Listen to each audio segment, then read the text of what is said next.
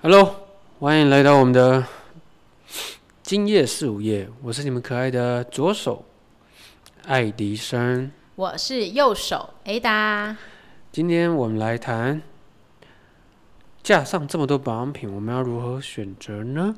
别人一定会认为说，我们一定会说选择是我们的，对吧？其实不是。狗屁，对不对？我不会聊我们的产品，其实也没有必要，因为这样强迫推销跟这种讲，也不是我的习惯。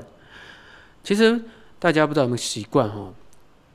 男生女生去到一些所谓的开价、保养啦、屈臣氏或康士美，大家都会看到琳琅满目的 A B C D E F G H I J K L N O P Q S OK，T U V，好，Doctor 什么哇哥？呃，嗯，好，很多这些开价式的保养品要如何挑选？因为其实蛮多的哈，确实，有什么抗痘啦、控油啦，什么清洁的啦，保湿啊，保湿啦美白呀、哎、林林总还总。有什么秘籍、安瓶什么的，很多，其实这蛮多的。其实看到就眼花缭乱，然后不知道怎么选择了。对啊，其实我每次都觉得，其实不瞒你们说哈，就是每一次我这样子陪，就是陪家人去逛这些所谓的开价市的时候，到最后都跑到保养品去了。其实也不会，我只是其实我没有什么习惯在逛逛保养品，是因为啊，每一次站在那边的时候，我不知道大家有没有同样的想法，就是一站过去，突然就有一个穿白袍的人冲出来，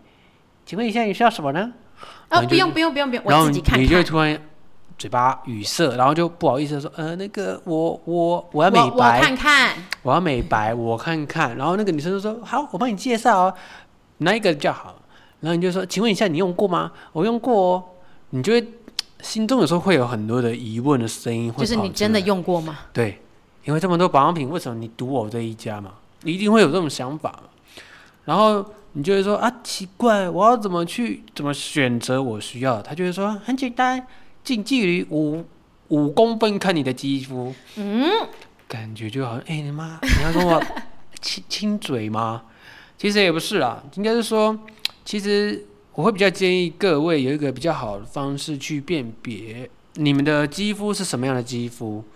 Hello Ada，讲一下怎么辨别我们可爱的肌肤是什么肌呢？什么肌嘛？其实我以前呢，我以前刚开始碰触保养品的时候，高中的时候，我记得那个时候专柜的小姐有教我怎么样辨别我的肌肤是什么样的肌肤，就是你洗完脸以后，你先不要擦任何的东西，过一段时间以后，如果你摸了一下，你觉得自己好像很油，你就是油性肌。你如果摸了以后，你觉得皮肤很干，有一种紧绷感或涩涩的感觉，然后觉得一定要那种感觉有点细纹，其实你就是干性肌。就是麦克鸡。今天来吃麦克鸡。我们等下再定好听回来。然后如果你觉得 OK 刚刚好，那就是中性肌。可是其实我有点偏混合肌，就是其实我的我的呃 T 字部位会属于比较有点油一点，然后我的两颊会比较有点干一点。其实我是算是中性偏混合。其实现在也没有什么算是那种真正的中性肌，就是会随着那个环境啊、时间啊，或是你所处的地方，然后来看你到底是属于什么肌肤。哦，是这样子哦。对那我在想，我应该是肯德基，不是？等下，不是。要再肯德基了好吗？你喜欢吃吗？应该是说，我这样子看下来的话，其实我自己分辨的方式，我算是，油性，其实大部分的男生一定都是混合肌啊，一定会有某个区块是干，某个区块是油。其实大部分八成的人应该都属于混合肌，但是只是看油出的多还是少，或是哪些地方比较真的很干到不行。所以基本上来讲，如果说我们这样子辨别下来的方式的话，那应该我们都要需要注重保湿喽，对吧？嗯，其实保湿这个东西也是很微妙的，就是如果好你很脸颊都已经很，呃，比如说你全全脸都已经很油了。其实这个时候，你的肌肤的油脂分泌够，其实它是一个天然屏障。不对不对，那我想问一个问题啊，怎么样？当初大网络上很多人说油水平衡，或者是说要用油性的保养品，或用很滋润的保养品，那这样算对吗？其实油水平衡根本就没有就没有油水平衡这个东西。其实油水平衡，油这个东西，你油性肌其实它不会因为你今天应该这样讲啦，网络上会说什么哦，你很你脸很油就是缺水，其实不是。你脸很油，其实油它是你本来就是油性肌了，不会因为今天你补水了，那你就变不油，你还是会分泌油脂。所以说，这样子看下来或听下来，或者是在网络上 Google 找了很多，呃，我先说哦，上网看 Google 搜寻肌肤的小知识，真的要多看看。一定要对，没错，多看看。然后第二个就是一定要找一些真的真的是医生，好不好？我我我的辨别方式是这样子哈，大家不要觉得我很欠揍。我的辨别方式是这样，我在找医生或者是看医生讲的话的时候，我会先去查他是谁？他是谁。第二个，他有没有在卖保养品？嗯哼，哦哦，对，我我曾曾经讲啊，商人永远都会说自己的产品最好。当然我我也不外乎，所以我的辨别方式一定会是说，哦，这个医生他在讲产品正确知识、上呃皮肤正确的知识的时候，他有没有在贩售保养品、护肤品？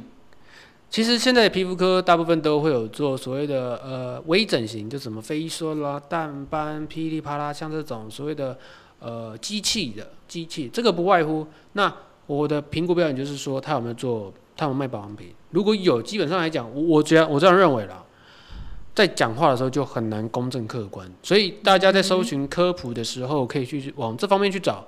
网络上很多的医生，他们都有倡导一些正确的知识。这是那我平平常在看的，大家可以自己去算是科普一下，就是那个邱医生、邱品奇医生，我会去科普他的东西。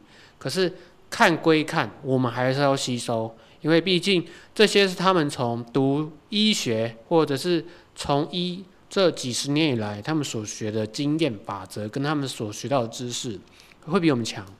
嗯哼，所以在科普的时候可以去看他的东西，大家可以吸收新知识啊。我平常也会看健康二点零什么什么的。对，所以说不过我们现在这样讲，其实并没有要安利他们的意思，我们就只是因为平常会有很多很多的各式各样的一些资料，那这个呢只是其中的几项而已，我们刚好有看到，那所以是就是介绍给大家，希望知识大家可以一起成长。好，回来一下，对，所以说基本上来讲的话，我们用清爽型的保湿就行了吗？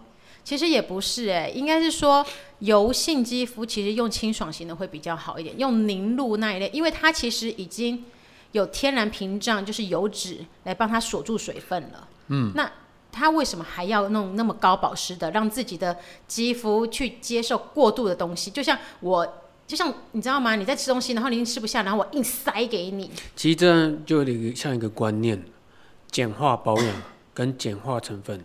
没错，大家还有一个很好玩的方式，就是说，你们现在手上用的保养品转过来看，看看它全成分，一二三四五六七八九十十一十二三到一百二十吗？几种，到一百吗？有没有到一百？我不知道有没有。应该是不可能啦，一百有点太多了。大部分现在应该都差不多是四十条或五十项，我四十项或五十项或六十项，差不多现在是这样的。我我我我自己有这样看下来，你们可以去看一下。其实肌肤没有不需要那么多不需要那么多啦。哎、不过啊，嗯，不过我不能说保湿型、呃滋润型的保湿这种乳液的东西不好哦，嗯，因为它在干性肌肤上面其实确实是不错，因为干性肌肤它就是因为油脂分泌太少，导致它没办法锁住水分，所以它必须要用高保湿的乳液啊，或是油这一类的东西哦。嗯，你看像国外啊，他们很干燥的地方，他们其实是用精油在做保养的。对对或是凡士林这种东西。其实我觉得你在保养肌肤的时候，你要因地适宜。比如说台湾太热了，真的太热了。比如说在、呃二十三度以下的，其实是很热的地方、很湿的地方，你是要用一些比较嗯清爽型的。嗯。但是如果你又在冷气房里面，那你可能就需要考虑一下，你要用清爽还是用滋润。那如果你是在比如说比较冷一点的地方，那你可能就是要用滋润型的。嗯哼，对，我觉得这个东西就是要因地适宜，嗯真的是要因环境，而不是说哦，那高保湿的都不行，也不是这样子讲的。OK，那保湿这一块我稍微了解了一些，那没关系。那白美白呢？其实现在的男生女生都很喜欢美白啊。那我要如何美白？如何所谓的淡斑？因为每一个人都怕脸部长斑嘛，然后又很想要白，然后白呢，你知道白又想要很白，像那个你知道吗？超级白，很白像立可白一样白这一件事情，其实美白这件事情应该这样讲啦。美白其实不是说哦，我把应该这样讲，不是我我把你的东西全部去掉。其实美白这个东西叫做抑制黑色素。我把嗯黑色素的工厂停止，让它停止制造黑色素了。然后呢，因为肌肤会慢慢往上推嘛，把老旧肌肤代谢掉，所以你会觉得你好像有慢慢淡化了。其实是因为我把工厂停掉了，把一制造黑色素的工厂停掉了，让那些已经生成的黑色素慢慢慢慢的被排泄掉。那其实美白产品就是加速它的排泄，跟抑制它的制造，所以才会有美白的感觉。所以不会美白以后就突然变成艺妓，好吗？你不会突然变成迈克杰克森，他不会涂就是如果真要那么白，真的哎、医美诊所挂号去一下。OK，所以美白基本上或亮白或均匀肤色其，实都是回到最初的肤色。你是黄种人，你不可能突然变成白人。对啊。可是现在的美女跟帅哥，他们都很想要像电视上的每一位的偶像一样，在荧光幕面前那个感觉，好像肌肤会发光，其实大你知道吗部分？就是，嗯，应该这样讲，大部分除了他们自己有在做保护以外，防晒擦的很均匀，保呃防晒做的很好这以外，不会，他们本身就很白了。再就是他们还有就是，他们为了在荧光幕前面要好看，化妆，他们会化妆。其实大家都有点被算是，我说实在话了，我连我都会被误导了，更何况是广大的可爱的消费者。所以我觉得这一方面，我们还是要有一定的具备的所谓的科普小知识。对，那其实说实在话，最近有蛮多人一直问我们这一件事情，就是说抗痘，你们的产品啊、应该这样讲，我有痘痘，我可以用你们的产品吗？哦，我长，痘痘，我长痘痘，我可以用你产品吗？哦，不要，然后我就说，那你可以拍一张你的照片过来给我看吗？哇，那个痘痘像火山要爆炸了，你知道吗？都可以挤脓不。要哎、对我，我每一次都跟很多人这样说，长痘痘，你家附近就有皮肤科诊所去找专业的吧。，Google 一下找皮肤科医生吧，因为诚实讲，保养品保养都已经写在前面了，就叫保养，不带不是医生，他毕竟是保养，所以长痘痘真的去给医生看，不要再用保养品，因为保养品里面所含的成分，不知道会不会对你的皮肤或对你的痘痘造成第二次或第三次的伤害，我们都没有办法保证。而且痘痘生成有好多种哎、我们的产品虽然做过了很多的报告、跟很多的数据、跟很多的认证跟背书，无刺激对无刺激，不代表说对你的痘痘 O 不 OK，你知道吗？所以你们一定长痘痘去给医生看，医生他是对症下药，吃药或擦药膏，然后会跟你建议早睡。早起，多喝水，饮食调配，不要吃太油，不要吃辣，不要抽烟，不要喝酒。其实往这方面去走，抗痘的产品，你们就可以减少很多，而且减少走很多的冤枉路。我还是重申一次，长痘痘真的去给医生看吧。那还有一件事就是，敏感肌的人怎么处理啊？其实我发现到现在的我们的大部分人都敏感肌呢。那敏敏感感肌这个很广哎、其实敏感肌我会认为说是因为它第一个保养的不当，第二个可能环境使然，第三个可能你自己的内分泌出了问题。会不会是过度保养？就是你知道，想 all in one，啊，就是类似那一种，呃，什么油油脂油水不不均衡是这个样子讲吗？其实好像就是你油性肌肤，然后如果你过度清洁了，然后就会造成外油内干这个东西吧。其实这个东西，其实我觉得还是要找专业的医生的，因为其实你外你的肌肤又油又干，其实真的是因为你的肌肤已经在发炎了。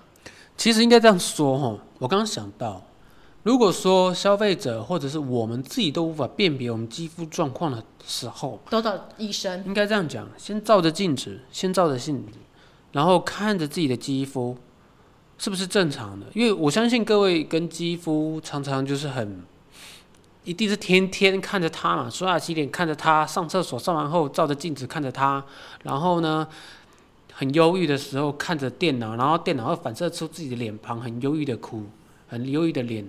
那你都知道你的脸的正常状况了。那正常的状况之下，基本上来讲，就是你可以去辨别你是什么肌肤嘛。那如果说你脸上有痘痘，或突然不知道为什么，有时候可能就是这边会泛红一块，那边会泛红一块，然后这边会泛红一块。基本上来讲，我就说你们直接去找皮肤科医生，因为皮肤科医生他是比较能帮你去辨别，对症下药。因为他们会做过很多的临床实验研究，这方面他们是专家，是 pro。我们在做保养品的业者，不是应该说我们不是医生，我们只能针对。某些正常的肌肤下去做一一克服，没错，其实真的是做保养，就是什么呃，别人说什么保湿、清爽、保湿、呃美白或淡斑。或者是呃用天然的东西或自然的东西下去做所谓的抑制油脂对这一类事情，去帮你们肌肤抓住油脂。其实油性肌肤，人家说控油控油，其实不是控油，它其实是就是帮你吸附油脂，让你觉得不要那么的油。其实不代表你的肌肤就因此而被控制了油脂分泌，其实没有。你是油性肌，你终究还是油性肌，好吗？不要因为你觉得它好像有是控油产品，然后你就去相信了。其实它只是帮你抓住那些油脂，让你不要这么的油，但是你还是油性肌，你你也不能因为你是油性肌肤，你就去过度清洁，那样子你的肌肤就会生病。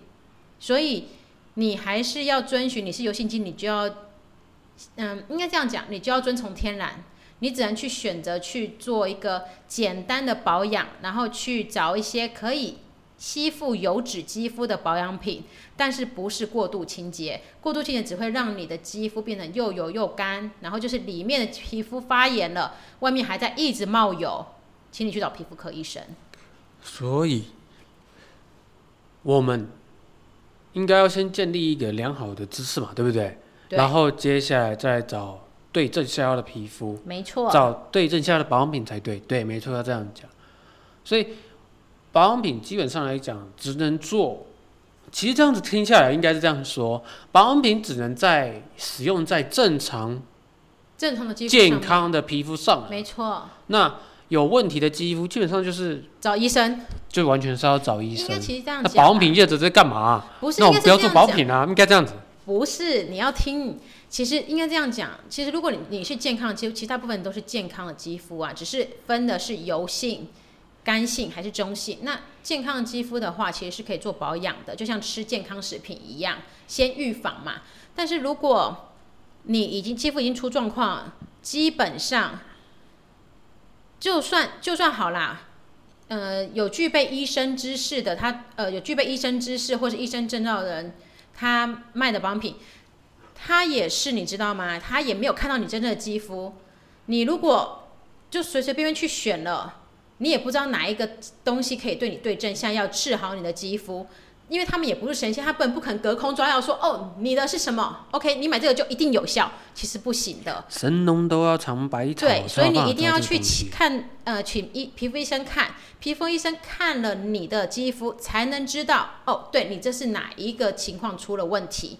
他才能对症下药啊，要眼见为实嘛。你不可能自己生病了，然后随便去买一个药，然后就相信这个药一定会治好你，其实不行的，一定要去看医生。对，所以这样子，我们今天聊的算是大部分，也也不是说比较深呐，只不过是说，其实就这些东西都是最近的一些消费者给我们的回馈，然后还有一些。呃，早餐店的妹妹啦，或早餐店的阿姨姐姐啦，午餐的阿姨啊，我们最近真的太常找大妈聊天了。应该是说，嗯，算是我们要贴近所谓的消费者，或者是这一些素人，知道他们正确的状况。然后我们也都其实都不会推销我们自己产品的城市讲，我们只是说很想要知道他们的一些所谓的呃知识或基础知识、基本的概念。因为在使用保养品的时候，其实你每一次在使用，每一次都要对自己的头脑或者提升自己的一定的知识水准，日后你们在挑选保养品的时候，才会知道说，哦，yes，他的是对的，；oh，yes，他的是错的，没错，Oh，yes，他讲的是很诚恳，是的。然后，oh yeah，，他在剥削。你知道，就是每一个过程你都要知道，因为这样子你才有办法知道说，这个人做生意是实在，这个人做生意是齁烂，这个人做生意是诚恳。从这个他们每一次打的文案行销当中，你就可以知道，或者他们讲，因为其实不会演，台湾的保养品厂商很多，我们也是其中一家，上万家里面啊，茫茫大海上万家其中的一家，一百万分之一吧，没错。如何在这当中，你们要挑选从这一百万这个厂商当中挑选出一家你们觉得很喜欢，然后又可以跟他一路陪伴你们到老的厂商，需要经过你们去吸收知识之后，慢慢的去累积，有点像实战经验，你知道吗？因为，大家都是在花钱买经验的，不会演我也是嘛，因为我也是从十八岁开始保养，这样子保养下来，我发现到我花了应该也上万块在保养品上面，哦，应从该有哦，对啊，从很贵到很便宜，然后再到很贵，再到很便宜，因为这个是一个 cycle 一个过程，毕竟都要被先被骗，骗给我就是嗯骗过五六七八次之后，才知道哪一个人是真心的嘛。然后如果骗到后面去都找不到真心的，那就自己来当真心的人啊。骗到最后就绝望了吧？对，差不多。所以这一次这样子聊下来，我们底下会放我们今天所查到的一些参考资料啊，你们可以自己去科普一下，了解一些呃这方面的一些 know how，增加自己的一些知识。日后你们挑选保养品的时候，你就说哦 yes，真的，脸是你们的，真的要好好的去了解一些知识。脸要跟你们一辈子。我们保养品厂商会不会跟你一辈子？我不知道。可是你们自己的脸会跟着自己一辈子。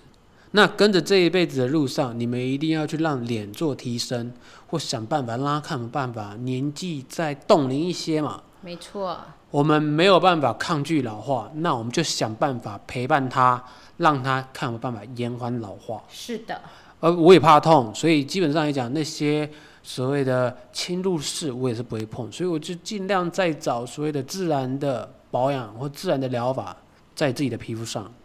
那很高兴认识各位大家，反正我们底下会放入我们的参考资料，好不好？谢谢我们下一次见，，Goodbye。感谢各位，拜拜。